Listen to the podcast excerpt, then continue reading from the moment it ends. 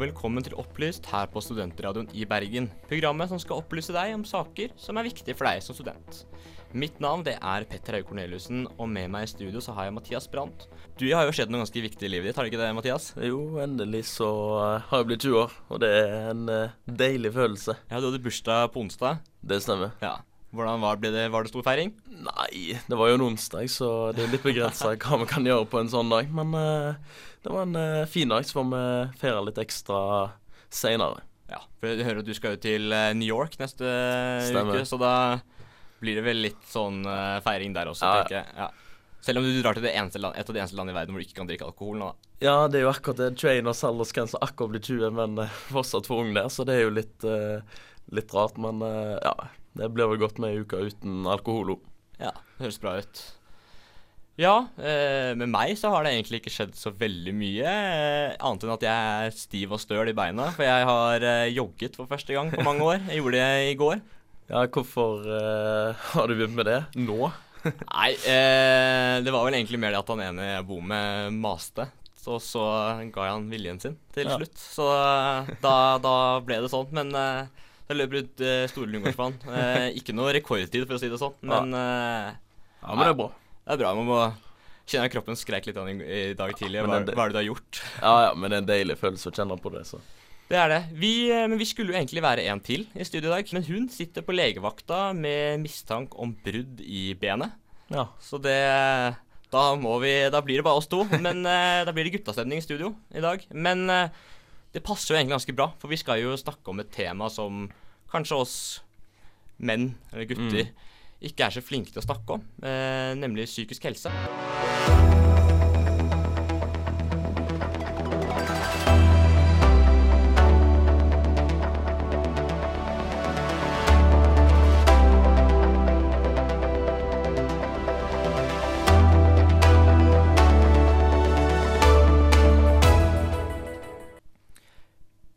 Ja, du hører fortsatt på Opplyst her på Studentradioen i Bergen, og i dag så har vi en liten temasending hvor vi egentlig skal bare snakke om psykisk eh, helse. Mm. Eh, og en av de tingene som vi, vi som studenter kanskje har uh, hører mest om når det er snakk om psykisk helse, det er jo dette her med prestasjonspress. Det snakkes jo veldig mye om dette prestasjonspresset i dag, og generasjonen som vokser opp eh, nå, blir ofte kalt generasjon prestasjon. Og det er et voksende problem at mange føler på dette prestasjonspresset. Både det om at man skal være flink på skolen, man skal være sosial, man skal trene, og hele livet skal fremstå så perfekt som overhodet mulig. Eh, og før vi på en måte begynner sånn ordentlig, så kan vi egentlig bare si hva man kanskje legger i dette begrepet prestasjonspress. Og det er at når du presterer til den grad at du ikke lenger gjør det for din egen del, men for å tilfredsstille andre sine krav. Og Mathias, hva, du er jo ganske ny student, da, men eh, hva er det Tror du det er mye prestasjonspress i, i studielivet? Um, først av alt så eh, kan jeg jo si at det, det starter jo allerede ganske tidlig. Det er ikke sånn at når vi begynner å studere at det er da vi først eh, opplever prestasjonspress.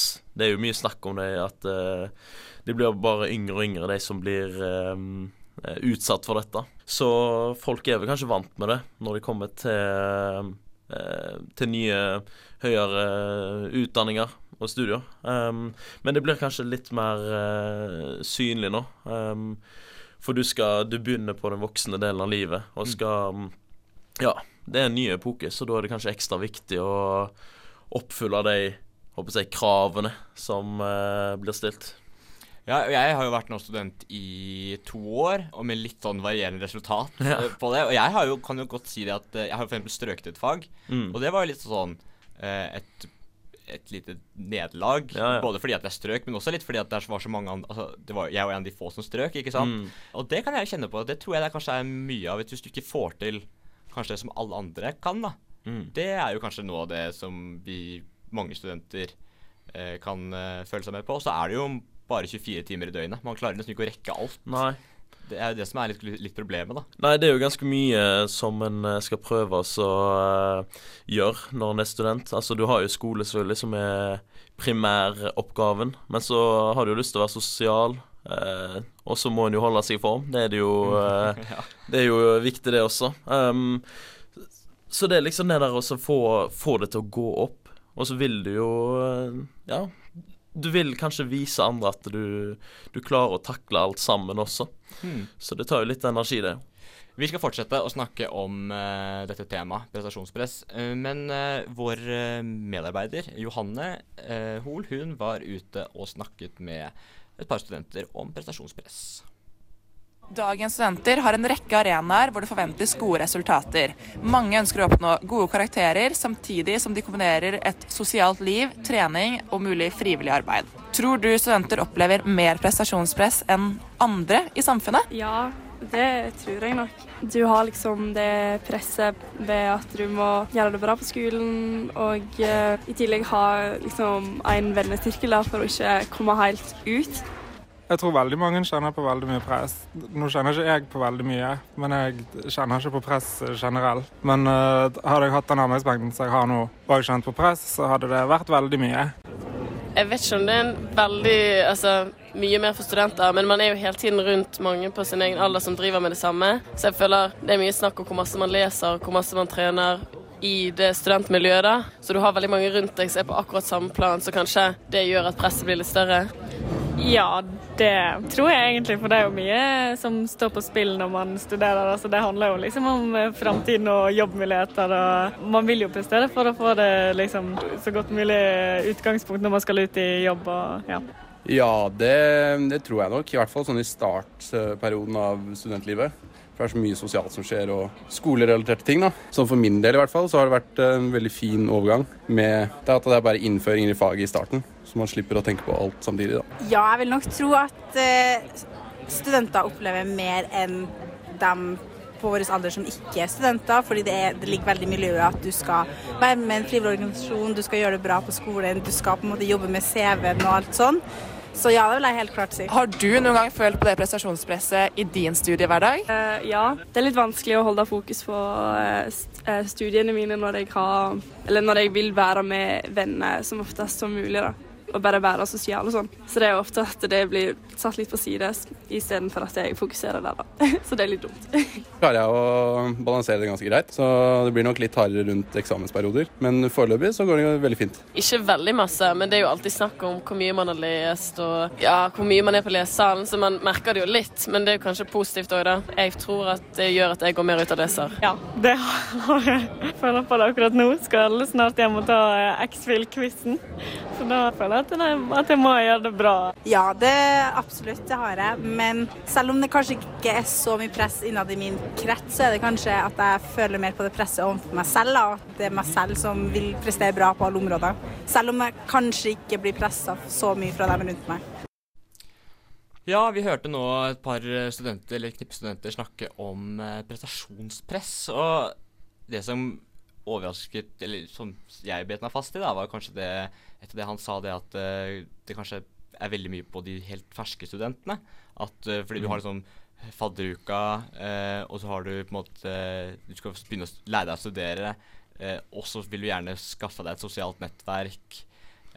bli med i en studentorganisasjon og på en måte ja, ha litt fritid også, da. ikke sant? Mm. Det, er jo, det, er jo, mye som skal inn i en sånn i en students hverdag, da, som kan føre til press? Ja, jeg vil tro at uh, første semester er, er, det ekstra mye. Jeg er jo på første semester sjøl, så jeg visste jo ikke altfor mye før jeg kom her. Um, så det har jo tatt litt tid å komme inn i vaner og sånn. Um, så jeg, jeg, kan skjønne det, uh, han som mente at uh, første semester er verst, og så går det over etter hvert, og en blir vant med det.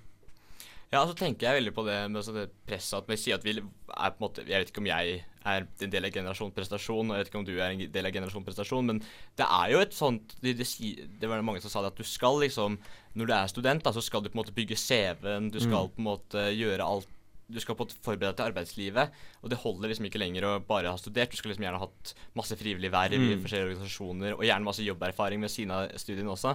Sånn som jeg, som er her i radioen, og så har jeg deltidsjobb, og så mm. studerer jeg. Det er jo mye Det tar jo mye tid, ikke sant? Og, og jeg kan jo si det at det, det presset som jeg uh, føler på, jeg går kanskje ikke så mye på det faglige på studiene. altså det er sånn, uh, Men det går liksom mer på det at man på en måte kanskje skal leve opp til en slags fasade, da, som er egentlig veldig dumt. Man skal jo egentlig ikke bry seg om hva andre tenker, men man gjør jo det. Ja, ja. Det er jo som du sier, det er jo en eh, del ting som uh, alle bør uh, gjøre. Um, med jobb, og så en studentorganisasjon og, osv. Um, og vi blir jo bombardert i mediene med at uh, det er lurt å gjøre sånn og sånn. Sant? Det er mye press i det òg. Mm. Altså, bare det med å spise sunt, det er jo sant? Det er jo et jag med alle de der små tipsene, eller oppfordringene fra visse eksperter rundt omkring. Eh, så hvis en skal følge alt og ta alle råd om hva som er lurt å gjøre når du er student, så, så er det for lite med 24 timer i døgnet. Ja, og så er det et sånt spørsmål her, liksom, det som jeg eh, syns er litt interessant, det er sånn hvem er det man liksom skal prestere for? Altså, Mm. Er det deg seg selv, eller er det, er det de rundt deg? Altså, der tenker jeg at kanskje at de store problemene er at hvis man hele tiden skal prestere for andre, og at, de, at man skal si ha sånn Sånn som Vi er jo litt i den tids, tidsalderen da, hvor alle skal liksom legge ut på sosiale medier, og Mm. alle skal liksom vise Sånn som jeg sa innledningsvis, altså at, at livet skal være så perfekt som mulig. Ja. Og det er jo litt det at, som vi snakker om i dag, at med psykisk helse sånn, altså det er jo ikke alltid sånn. uh, men man ønsker gjerne å fremstille seg på den måten. Og da er jo det spørsmålet altså, hvem er det man faktisk presterer for? Mm. Altså det, det er jo litt det som er, eh, er vanskelig, da. Ja. Og så tror jeg det varierer veldig um, fra miljø til miljø. I enkelte miljø så er det jo ekstra viktig å kanskje trene, mens uh, i andre miljø så er det ingen som bryr seg om det. Så det, det varierer veldig. Så Ja, det er jo altså, ikke sånn at alle har press uh, på hvert enkelt område. Det er det jo Nei, ikke. nei, men jeg tenker det at uh, det er veldig mange som på en måte opplever et press både, altså ikke, både, ikke bare fra miljøet sitt rundt, men også sånn som du sa, da, fra liksom Mm. storsamfunnet i sin helhet, da, ikke Mm. sant, med alt dette her eh, Ja, med influenserne og alt mulig som skal prekke på oss, alt mulig. Eh, Ja. Så det er jo litt sånn Og det som kanskje er skummelt med det altså Hun ene her i Den fem på gata sa jo det at eh, eh, kanskje noe av, noe av presset er bra fordi eh, Noe press er bra fordi da blir man motivert til å gå på lesesalen og sånn. Mm. Eh, og det kan jeg jo si meg enig i at det er kanskje noen studenter trenger et lite, kipp, lite tupp i ræva for å Ja. få en måte gå på lesesalen. Eh, men jeg tror liksom det at det er jo en god del konsekvenser da, som kanskje kan, eh, man kan få eh, ut fra hvis, man, hvis det presset og alt det stresset og alt det som man genererer, eh, blir for stort. da, Og det tenker jeg er jo ganske alvorlig. Jeg snakker jo da om Mm. sånn Hvis man kan gå, bli deprimert hvis man ikke får til det, det som alle andre kan, eller, eller søvnvansker f.eks. hvis man er så stressa. Mm. Får jo ikke gjort noe som helst da hvis en eh, får de type tingene som du nevner her. Da, da stopper jo alt opp. Ja. Uh, ja. Og så er det jo litt det at uh, Jeg tenker det at når man som uh, student, så er det kanskje det presset man føler, føler eh, tar på nytt igjen. Som student så er det kanskje det presset man fører, eh, føler, er jo, blir jo kanskje med på den eh, det er kanskje ikke videregående hvor det er sånn disse karakterene og det er sånn Å, hva Mm. fikk du? ikke sant? Altså Det er Mm. litt mer individuelt, ikke sant? Også, Ja. hva- Og alt det der. Men det er fremdeles som et, som et sånt eh, et, en, en, en, et mål da, for alle sammen Mm. å ha så bra som mulig liv. Og Ja. tenker jeg at der er det på en måte noe som er kanskje litt riv ruskende gærent med vår, med vår generasjon. For der er det Der blir det på en måte det at eh, ja, der vi skal være åpne om psykisk helse og snakke om det, men samtidig Mm. skal vi liksom presse oss selv og jobbe oss selv til vi vil, vil bli syke. Ja. Og det er jo veldig dumt å bli utbrent eller eh, i en alder av 20, da. Ja, uh, så er det kanskje Det er kanskje ikke nok plass til de enkle sjelene som ikke bryr seg så veldig om alle de eh, ja, kravene. Um, for det er jo ikke alle som eh, ja, som gidder å tenke på det. Nei. Uh, og de, all ære til deg. Ja, ikke sant. Og det er jo, det er jo sant. Altså, det skulle, jeg skulle ønske jeg kunne være sånn som han fyren som sa jeg kjenner ikke på, på stress. Mm. Men vi kan jo dra, gå litt videre og si at altså, en løsning på et uh, pressproblem, det er jo veldig vanskelig. For det, det, altså, da må vi kanskje endre litt sånn på det Så mye av det på en måte vår generasjon er bygd rundt på. Men Mm. sånn som det er jo interessant, for sammen her, Studentskipnaden i, i Vest på Vestlandet, de har jo laget de der nye kaffekoppene som kjøper, Mm. kjøpe, hvor det står Ja. 'gi litt mer faen'. Og jeg tenkte Første gang jeg så det, tenkte jeg herregud, så teit. Men så var det det at dette her er jo for at man på en måte kanskje ikke skal hele tiden eh, være så fiksert da, på hva andre tenker. Ja. Nei, jeg tenker jo at uh, hver enkelt bør jo kanskje tenke at er det så forbanna viktig å være god i absolutt alt? Um, Ja, det er jo ikke menneskelig. nei. Men, men det går jo mye på selvtillit, sant. Eh, Noen takler det mye bedre enn alle andre, så det er jo det er jo veldig individuelt, så det går ikke an å finne en løsning for alle heller. Så. Nei, og, og andre ting sammen også gjør, da, som er hvis man føler veldig mye på sånn press, og at Mm. det på en måte begynner å ta over ting, så har jo de veldig mye sånne kurs, altså sånn, sånn eh, stressmestringskurs og alt mulig. Eh, og så har de jo et eksamensangst, hvordan takle det, og alt Mm. dette her. Så det er veldig mye gode tilbud. Og vi har jo fått eh, en annen medarbeider av oss, Synnøve Malt, hun har vært og intervjuet en som jobber i Sammen råd og karriere, og snakket litt om det tilbudet de har. Jeg heter Rønnaug Tveit og er leder for Sammen råd og karriere. Eh, kan du fortelle litt om hvem dere er, og hva dere kan hjelpe studenter med? Ja, vi kan hjelpe studentene med veldig mye. Eh, Vi er to felt. Eh, Vi har både eh, tilbud som gjelder karrierefeltet, og vi har tilbud som gjelder rådgivning. På begge, begge steder så har vi tre hovedtilbud, som er samtaler, veiledning, og vi har kurs og grupper, og vi har òg kurs og foredrag ute i studentmiljøet. Det Det den enk enkeltstudenten sikkert kjenner oss mest sånn, det er jo nettopp det at de kan komme her og få en individuell samtale. Enten det gjelder eh, et stort eller litt mindre problem, eh, eller noe som gjelder karriere. Hvilke utfordringer er det dere ser oftest blant de studentene som dere snakker med? Ja, Hvis du tenker på rådgivningssiden, så er det jo eh, et ganske stort spekter av ulike problemstillinger studenten kommer med. Eh, de er flinke å ta kontakt, eh, sånn at de får god hjelp tidlig. Eh, det vi ser kanskje har vokst særlig de siste årene, det er jo stressrelaterte problemstillinger. Ting som har med studieprogresjon, studiemestring å gjøre. Og det er relasjoner. Og da kan det være på seg relasjoner som ikke har noe med studentlivet å gjøre. Det er vel de områdene som, som er størst. Men ellers så kan de òg komme hvis noen er blitt eh, gravid og trenger hjelp til å vite eh, hvordan de skal, eh, hvilke rettigheter de har osv. Økonomi. Det kan være sykdom. Ja, en helt spekter av ulike ting. Mm. Du sa dette med, med stress, at det er veldig mange som kommer eh, pga. et økt stress. Eh, tror du at det er større press på studenter nå enn det det var tidligere? Dette er jo et på seg stadig tilbakevendende spørsmål. Det er vanskelig å si, men vi ser det at, eh, at eh, det er en økt eh, pågang på både stressmestringskursene våre, eksamensangst f.eks., som òg er i den gata, og, og individuelle samtaler som handler om stress. Ja, jeg tror nok at eh, eh, Kanskje jeg føler Det er jo dette som jeg stadig diskuterer, dette med å å klare alt på en gang. Eh, Den stadig tilbakevendende perfeksjonismen. Mhm. Altså at en skal både gjøre det godt eh, i fritiden, på studiene, trene osv. osv. Sånn at eh, påkjenningen eller presset på den enkelte studenten kan oppleves høyt. Om det er større enn før, og hva er før, det er ikke så godt å si. Jeg tror nok at eh, når en er i en studiesituasjon, det nærmer seg eksamen, så har studenter alltid eh, følt seg stressa. Men nå er det flere tilbud som kan avhjelpe det, bl.a. her hos oss. Både samtaler, som jeg sa, og egne stressmestringskurs. Hva tenker dere om ensomhet blant studenter? Opplever dere at dette er et utbredt problem? Eh, Nå har det jo vist eh, i den siste eh, studenthelseundersøkelsen at nesten 30% svarte at de følte seg ensomme. Nå er ikke det sånn at så mange kommer her med det som et hovedproblem.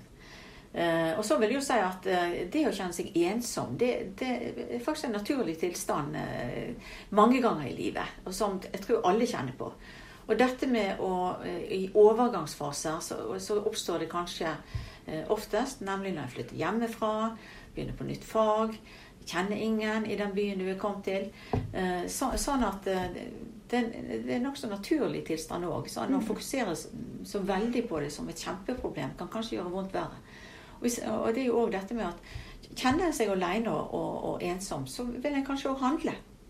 Ja. Prøv å gjøre noe med det. Eh, Og da har du jo et eh, konglomerat av tilbud nettopp i eh, eh, studentlivet.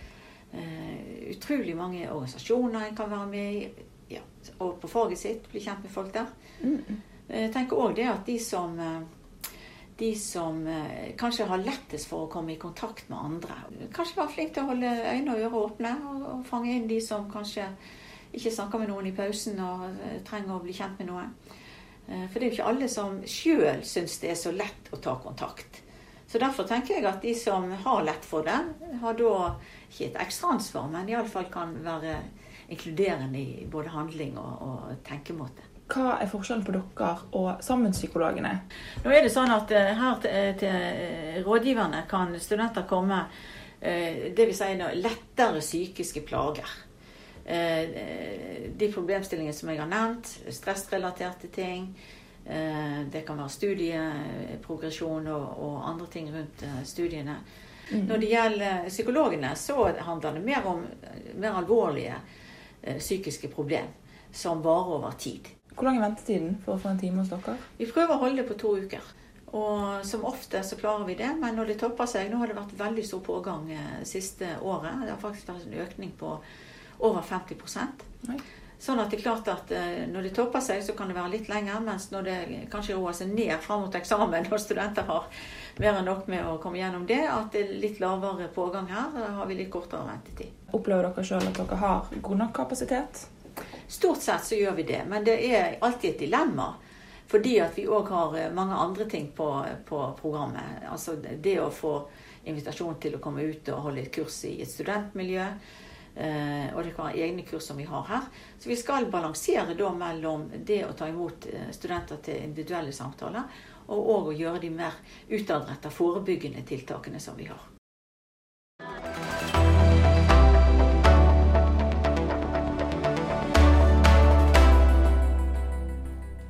Ja, du hører fortsatt på eh, Opplyst her på Studentradioen i Bergen. Vi skal i dag snakke om psykisk helse, og vi har jo nå allerede snakket litt om eh, prestasjonspress, eh, hvor du til slutt også hørte et intervju med en som jobber i lederen for Råd og karriere for Sammen. Så der var det jo mye gode tips hva hun kunne si, og få folk til å ta tak i det. Men vi går litt videre til et annet tema som også har vært mye oppe blant studenter. Det handler da om ensomhet blant, eh, blant studenter. Og det kom jo da fram i SHoT-undersøkelsen høst, eh, høsten 2018, altså i fjor, at eh, nærmere én av tre studenter opplever at de er ensomme. Og det er også ganske mange som føler at de er isolert eh, fra omverdenen under studiene. Eh, før vi tar tak i dette, så skal vi høre nok en medarbeider, Lea Lidal, eh, i den faste spalten vår Kort forklart, der hun forklarer ensomhet på ett minutt. Det finnes flere definisjoner på ensomhet man kan lese og sikkert kjenne seg igjen i, men de mest brukte definisjonene er at ensomhet er en opplevelse av at man ikke har nok sosial kontakt, eller en følelse av savn av ønsket kontakt med andre. For man trenger ikke være alene for å være ensom. Mange vil oppleve denne følelsen like sterkt om de er sammen med andre. Dette kan være fordi man ikke føler seg forstått eller sett av de man er sammen med, eller fordi at man syns det er vanskelig å være seg selv. De fleste vil føle seg ensomme en eller annen gang i livet, men det er særlig to grupper som skiller seg ut og som rapporterer om mer ensomhet enn andre, og det er unge og eldre. Ofte handler det om store overganger i livet. De siste åra har temaet ensomhet vært særlig aktuelt. Dette fordi at studentenes helse- og trivselsundersøkelse som ble gjennomført våren 2018, viser at nesten én av tre norske studenter ofte eller svært ofte opplever ensomhet. Det kan være vanskelig for andre å se at man er ensom, og det er gjerne ikke så lett å fortelle det til de man omgås. Helse Norge gir følgeråd til de som vil komme seg ut av ensomheten. Snakk med noen du stoler på om hvordan du har det. Bruk sosiale medier til å opprettholde relasjoner. Fokuser på hvordan andre rundt deg har det, mer enn på egen følelse av ensomhet. Og ikke ha for høye krav eller forventninger til et nytt vennskap. Det tar tid å få nære relasjoner. Ja, da hørte du eh, Lea Lidal eh, snakke litt om hva ensomhet er, og vi skal jo fortsette å snakke litt om hva det er. Og det som jeg syns kanskje var mest interessant, da, var det at hun sa det om eh, at ensomhet ofte er knyttet til liksom, store endringer i livet. Mm. Altså det var unge, altså sånn som vi er nå, da, ikke sant, og, og eh, eldre som følte veldig mye på den ensomheten. Og det er jo litt interessant, Mathias, for du, som sagt før, så er jo du helt ny student. Du går første semesteret og har Mm. akkurat flyttet eh, bort fra Haugesund. Haugesund. Det var, jeg visste egentlig det. Jeg hørte, hørte det. Men, eh, men og er helt ny i Bergen. Mm. Hvordan var den opplevelsen, egentlig? Altså, Var du redd for å på en måte bli ensom? Jeg var vel kanskje litt uh, heldig enn uh, gjennomsnittet, fordi jeg har ganske mye familie i Bergen. Tre tanter faktisk, og jeg hadde en del venner som også skulle opp. Og jeg kjente byen ganske godt fra før, så jeg var ikke så redd for det. Men jeg kjente jo litt på det når vi skulle møte opp i Grieghallen eh, første skoledag. Um, jeg visste jo ikke om eh, noen andre skulle på samme studie som meg. Uh, så jeg var jo ikke så høy i hatten akkurat da. Um, så jeg tenker at det er sikkert mange som kjente på den følelsen akkurat da, som til vanlig ikke føler seg så ensomme. Nei, altså jeg også hadde, var jo litt heldig fordi Altså jeg flyttet til Bergen, hadde aldri vært i Bergen før, men det var mange Mm. av vennene mine som, som skulle til Bergen også, så jeg hadde på en måte et uh, sosialt nettverk som på en måte fulgte meg fra Asker da, til, mm. til. Bergen. Uh, men helt enig, jeg kjente veldig på det at når jeg sitter, når du sto der liksom i Grieghallen, og så uh, satt jeg med en kompis, og så skulle vi liksom delt inn i disse faddergruppene, ikke sant, Mm. og så ble jo vi delt inn i helt forskjellige Altså vi var jo ikke i samme gruppe, med vilje, for vi sto, vi sto og snakket sammen. Ja. Uh, og det, da, da var det veldig sånn. Men jeg syns jo egentlig det var veldig greit å være med den fad, altså sånn fadderuken, ikke sant, Mm. og, eh, og alt dette her. Men så er det jo det at det er jo skremmende, da, at én av tre sier at de føler seg ensomme. Ne, altså nesten én av, en av tre studenter. Ja. Og da tenker jeg det er, det er jo ganske Altså sånn, Vi snakker jo da om psykisk eh, helse da, ikke sant, i dag, Mm. og det er jo veldig du, du kan jo bli dårlig av det. Ja. Jeg får jo håpe at uh, den uh, tredjedelen sier det ensomme, at uh, det ikke er noen som føler at de er permanent ensomme. Altså at de føler på den konstant. Det er sikkert noen som føler på det Ja, også. det, det er jo det. Jeg uh, hadde nok ikke trykt ensom eh, for den ene dagen i Grieghallen. Um, men eh, det er jo et høyt tall. Og, men jeg føler at det er et eh, stort fokus på det i f.eks. Sammen. Og at det gjør sitt, i hvert fall for å gjøre det enklere for å finne noen å være sammen med. Ja, og så tenker jeg det at eh, en av de tingene som kanskje er eh, viktig å ta opp, er jo den eh, måten på at nye studenter blir mottatt da, i, i, Mm. i VUIB. Mm. Eller ved de andre med andre utdanningsinstitusjoner. Og det er jo liksom det at du møter på en måte opp, og så er det rett på hardfylla. Ja. Og så eh, blir det på en måte sånn Hvis du ikke passer inn der, da, hvordan er det du skal få deg venner da? Altså Du går jo på journalistikk, som er en Ja. liten klasse. Der Mm. er det lett å bli kjent med kjent, Ja. kjent, kjent hverandre. Jeg går jo på sammenlignepolitikk, og der Mm. er vi jo 150 stykker eh, på forelesninger. Det er veldig vanskelig, tror jeg. Litt sånn barriere det å sette seg Eller barriere du må bryte for å gå og sette deg ned og snakke med noen du ikke kjenner. Ja, for det er sånn jeg har skjønt det på de litt mer vanlige studiene enn det jeg har, så har du jo faddergruppa, men det er ikke sikkert at du er med dem eh, hver dag etter fadderuka. Sånn var det jo for meg, at de jeg var med i fadderuka, de visste jeg at de kom meg til å være med i eh, de neste tre årene. Men ja, det kan jo være litt vanskelig å få liksom det samholdet med noen når det er når det er sånn eh, systemet er. Mm. Um, ikke den, klasse, Mm, ikke, ikke den klasseromsfølelsen som kanskje det er på journalistikk, og kanskje på noen studier, og Ja. som det var på videregående. da. For det er jo ganske mange studenter som kommer fra andre siden av landet, eh, kjenner ikke, kanskje ikke så mange Noen venner skal liksom begynne på andre studier, ikke Mm. sant. Eh, og det er jo litt eh, det som er problematisk, tenker jeg, da. At eh, hvis du først faller utenfor, så er det kan det være vanskelig å hente seg inn igjen. Altså Det skal jo sies at mennesker er jo forskjellige, eh, og det er noen som krever, eh, som, som syns det er greit å være alene, og eh, så lenge det ikke er ufrivillig, da, ikke sant. ja. Uh, og der tenker jeg litt det at uh, det er ikke, Og der er det litt Hvis vi henter litt tilbake til prestasjon, da, altså prestasjonspresset, så er det det kanskje det er noen som føler på at, at man skal være sosial Ja. hele tiden. Eller ikke hele tiden, men altså ofte, da. ikke sant? ja. Og det er kanskje ikke alle som passer helt inn i den, den beskrivelsen av seg selv, da. Nei, uh, godt poeng. Så er det jo kanskje noen som ja, har så mye på tapetet at de ikke får, får tid til det sosiale, og så glir litt ut. eh, av at de blir tatt av det presset at eh, må prestere i alle andre ting. Så det er en sånn Ja, Det er en rød tråd her. det er en rød tråd. Ja. En vanskelig syklus, egentlig. Um, ja. Og så er det jo litt det at eh, altså, Det skal jo sies at det er ganske mange muligheter som, som en student. da, ikke sant? Mm. Å, å, å bli med i en studentorganisasjon, eller, eller bli med på noen andre ting. ikke sant? Et fagutvalg og alt mulig. Men eh, det er jo ikke sånn at alle passer inn i alle steder. Det er jo ikke det. og Hvordan var det for deg egentlig å søke til radioen for første gang? Nei, nå ja, Nok en gang så var jeg heldig, heldig der. For med, med en liten uh, guttegjeng på journalistikk, så var det sånn Ja, vi prøver radio. Så vi var vi var noen som gikk der på den infodagen der, så det, det var ikke så ille. Men um, det var en liten barriere, det òg. Ja, og jeg tenker sånn, jeg var jo også, ble jo eh, anbefalt av en jeg kjente fra videregående, som også, Mm. i, som også er i radioen, eh, å bli med her. Men eh, jeg kunne tenke meg at hvis jeg ikke hadde kjent noen, så hadde det vært eh, bare, Det var vanskelig å begynne, Ja, det var vanskelig å begynne. Altså, sånn, jeg ante ikke noe om radio før jeg på en måte begynte eh, her.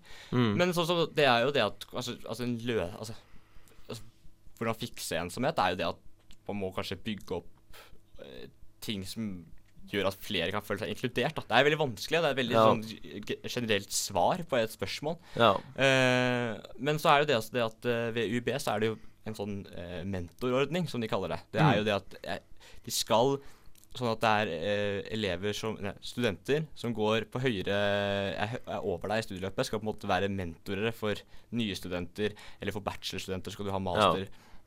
Og da sier UiB, UiB det at, eh, at det er jo både for å takle liksom, det faglige, at de skal få hjelp, Ja. men også det at man skal få gode fagmiljøer, da, hvor Ja.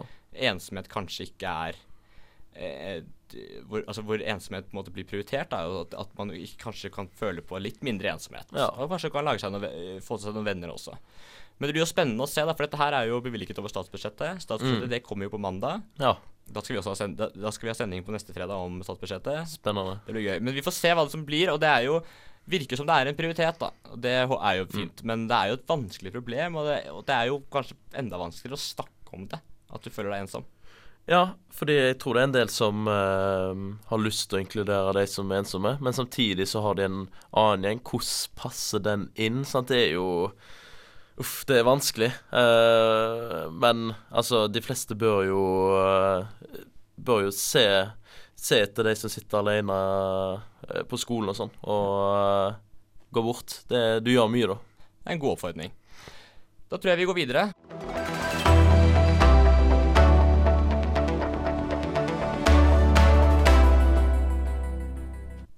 Ja, du hører fortsatt på Opplyst her på Studentradioen i Bergen, og vi har jo da sending om psykisk helse.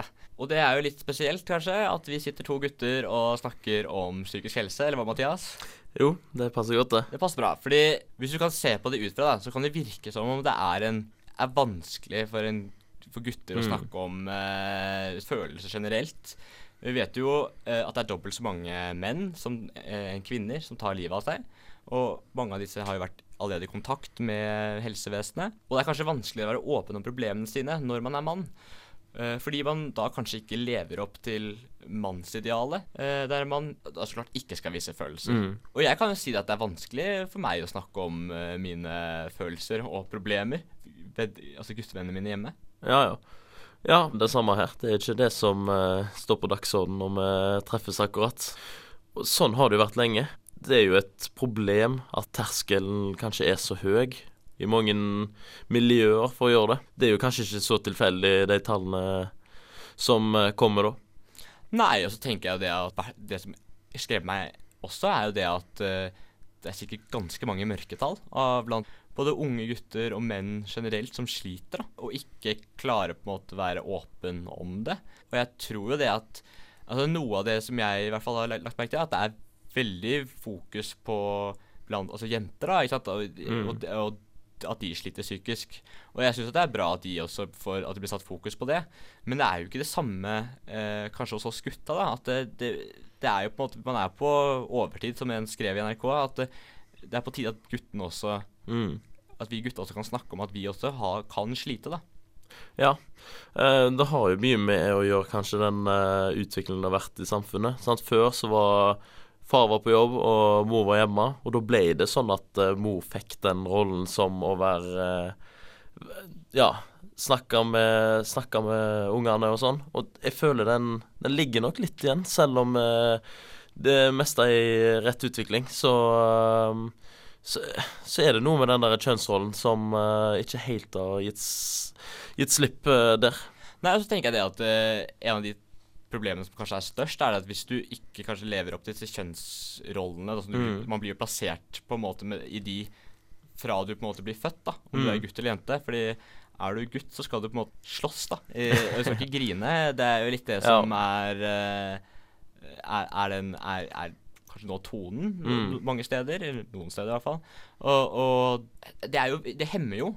For, Ja. hemmer jo på en måte at gutter kanskje også kan komme ut og si Hei, jeg har et problem eh, til sine venner, da, ikke sant? At Mm. jeg, trenger, jeg trenger litt hjelp, eller jeg har det ikke så bra nå. Mm. For det blir på en måte kanskje litt sånn satt litt, se- sett, Ikke sett ned på, men det blir liksom det blir, kanskje du tar folk med over, en overraskelse, da. Ja, jeg tror de fleste ville kanskje reagert på en annen måte. Det var en gutt som kom med Ja, fortalte hva, hva han følte.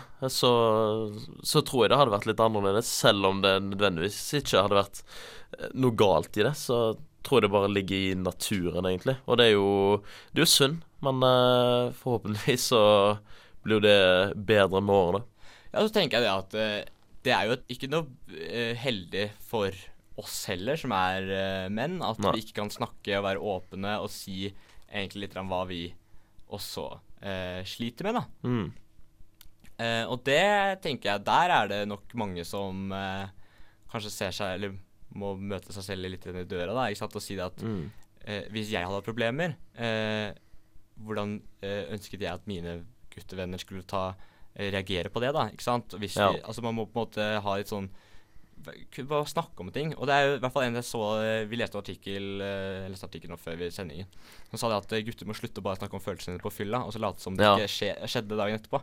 For det har jo Det er jo litt om alkohol og sånt, kan, kan ting Ja, ja. Kom, komme opp, ikke sant. Og da tenker jeg det at uh, der er kanskje mye av det tingene som Altså man må på en måte innse at gutter også sliter. Mm. Det er et veldig godt eksempel du kommer der. For det er jo da, da Da tømmes det jo eh, på fylla, gjerne. Ehm, Og det er snørr og tårer ja, ja. og Og så eh, Men dagen etterpå så var det nei, jeg Nei da, nei, det var ikke Det må du bare glemme. Ja. Så ja, det er jo synd at det er liksom eh, At det er sånn det er.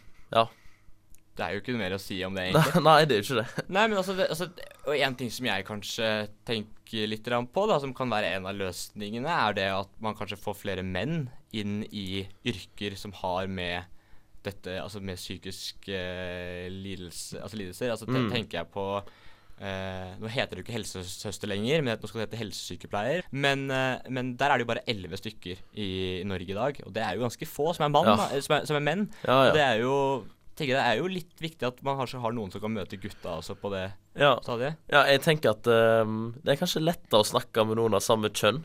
For altså, du du fungerer veldig fint med, med damer også for, for gutter, men uh, kanskje Altså Menn som er helsesykepleiere, eh, kan kanskje være lettere å prate med fordi de kan se situasjonen, siden de sjøl kanskje har vært der.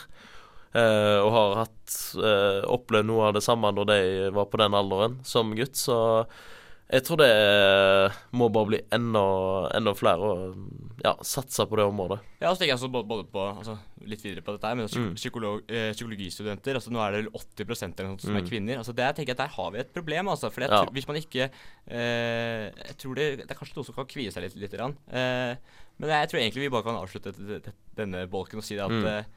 Eh, gutta, vi må faktisk snakke om følelsene våre, vi også. Snakke om problemene og ta vare på hverandre. Ja. På samme måte som jentene kanskje er litt flinkere til enn det vi er. Ja. Så det er vår oppfordring. Mm.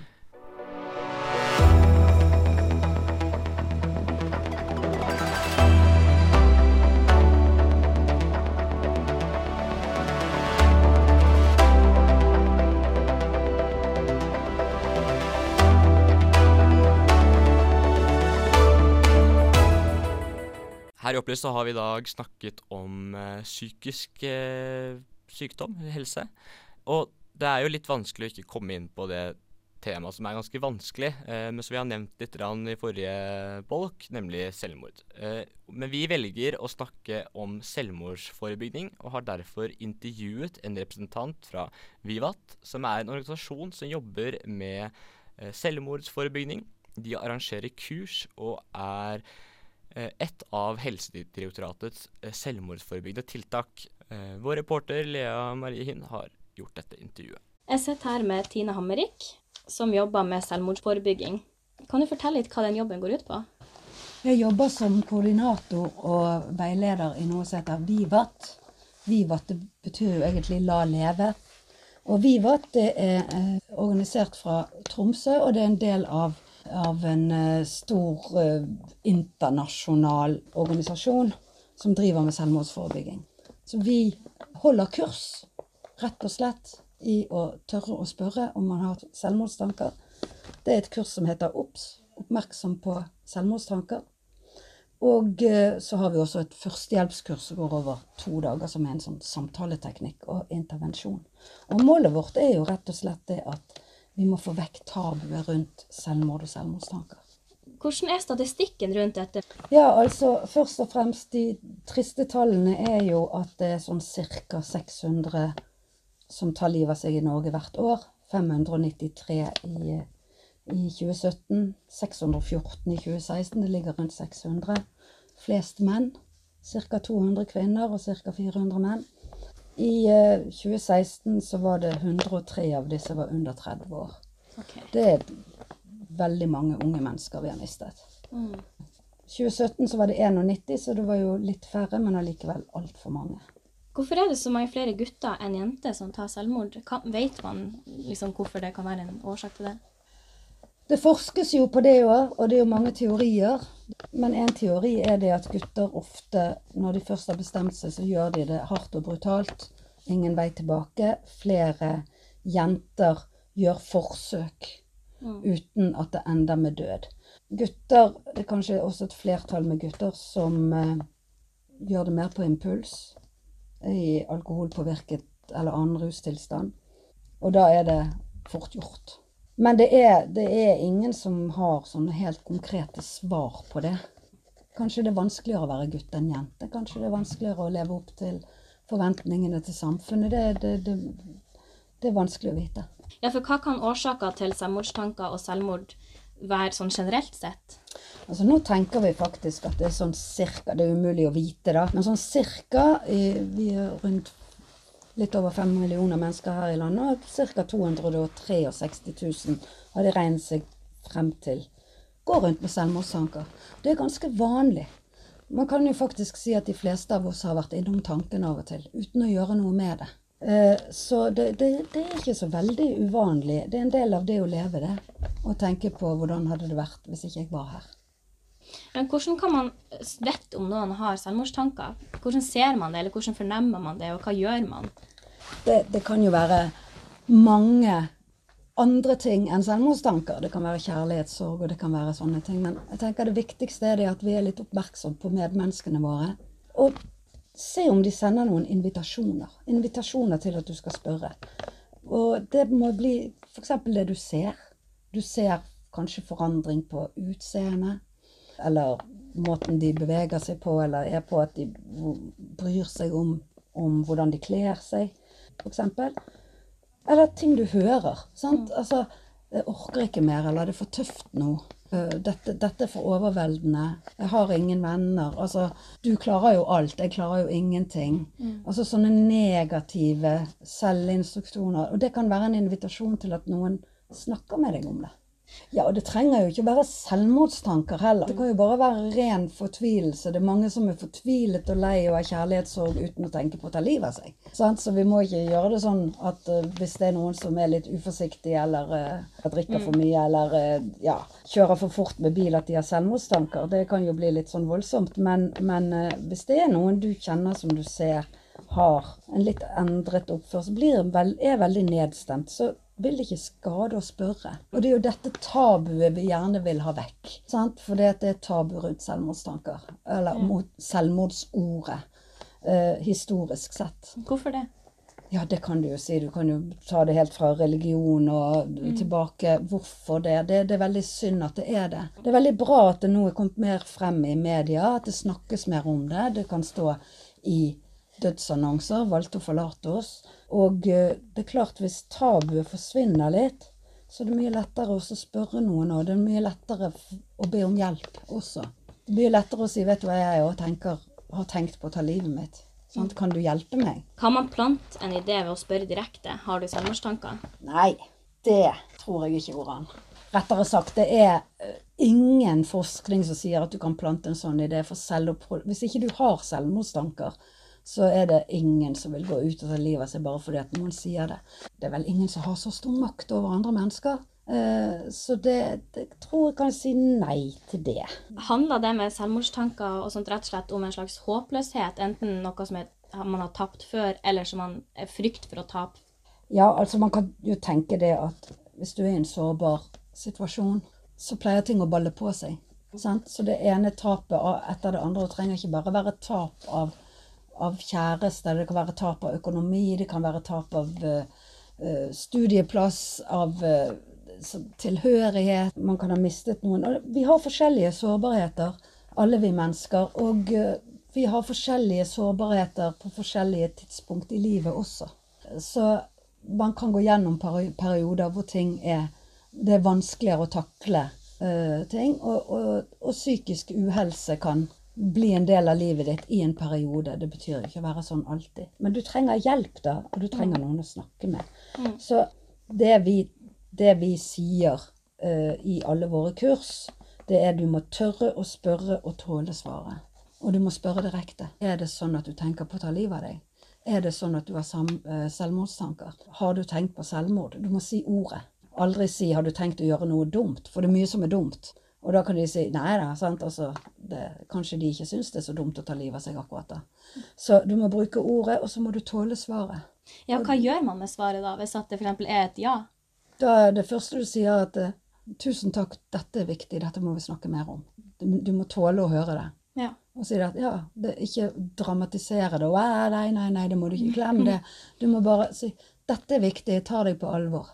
Og så må man jo søke hjelp. Hvis du er en venn eller en bekjent eller en lærer med en uh, student eller hvem som helst, så, så, er det for stort ansvar å bære alene. Og av og til så kan det være nok å ringe en hjelpetelefon. Kirkes SOS eller Mental Helse. Få noen råd og tips der. Er du skikkelig bekymret, så er det jo Livskrisehjelpen, Bergen legevakt. De er kjempedyktige der. Og de tar inn mange. Så øh, tenker det, det er veldig lurt. Men det å tørre å spørre og tåle svaret, det er det viktigste. Og så er det jo litt viktig også huske på det at det er utrolig mye omsorg i å spørre et sånt spørsmål og få et sånt spørsmål. Så om du ikke treffer helt sånn akkurat, du har, ser ut som du har det veldig tøft, har du selvmordstanker Hvis ikke de har selvmordstanker, så vil kanskje i hvert fall følelsen og kanskje svaret være takk for at du bryr deg, men det er ikke så gale. For et godt menneske du er, som prøver å se meg. Så, så spør en gang for mye istedenfor en gang for lite, og ikke dramatiser svaret. Det er i grunnen det vi, vi, tenker på. Vi vil veldig gjerne ha et selvmordstrygt samfunn, og vi vil at det skal være åpenhet. Fordi vi vet at hvis det er sånn 263 000 som har selvmordstanker, og det bare er 600 som tar livet av seg, så må jo alle de andre få lov å ha noen å snakke med, da. For det er veldig mange som aldri ville gjort noe med det. Men det er tøft å gå og tenke på det. Jeg tror det er håp. Hvis vi er litt mer åpne, så, så er det håp for veldig mange som går rundt og har det tungt.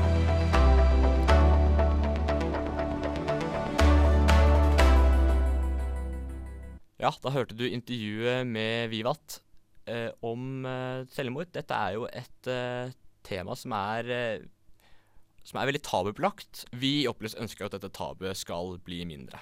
Og det er eh, derfor vi valgte å ha dette intervjuet. Eh, men husk også, hvis du selv sliter med din psykiske helse eller er bekymret for noen du kjenner, er det mulig å ta kontakt med Mental Helse sin hjelpetelefon på 116 123, som er tilgjengelig 24 timer i døgnet.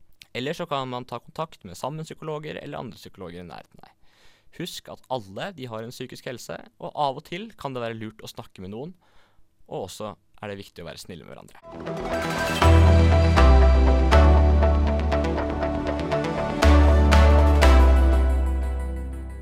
Ja, det var alt vi rakk i denne sendingen av Opplyst her på Studentradioen Bergen. Det var en ganske heavy sending, eller hva, Mathias? Ja, det var det. Men uh, det er ganske viktig at vi snakker om det innimellom også, så uh, ja. Det var, det var kjekt å ta del i det. Ja. Og så er det det at eh, vi venter litt på Vi har jo ikke hatt så mye, mye tiltak, men vi venter litt på statsbudsjettet, som kommer mm. på mandag. Uh, der håper vi at det ligger mye som kan ta tak i disse problemene. Vi håper at regjeringen eh, sier at dette her eh, er et satsingsområde. Mm. Så sendingen var heavy, men den var eh, viktig, føler jeg. Og det var bra. Absolutt. Så sier vi da tusen takk til vår produsent Amund Engebretsen. Dersom du ikke fikk med deg dagens sending i sin helhet, kan du laste den ned på podkastappen på din smarttelefon, på iTunes eller Spotify, eller på stritt.no. Mitt navn det er Petter Corneliussen, og med meg i studio i dag har jeg hatt Mathias Brandt. Ha en riktig god helg.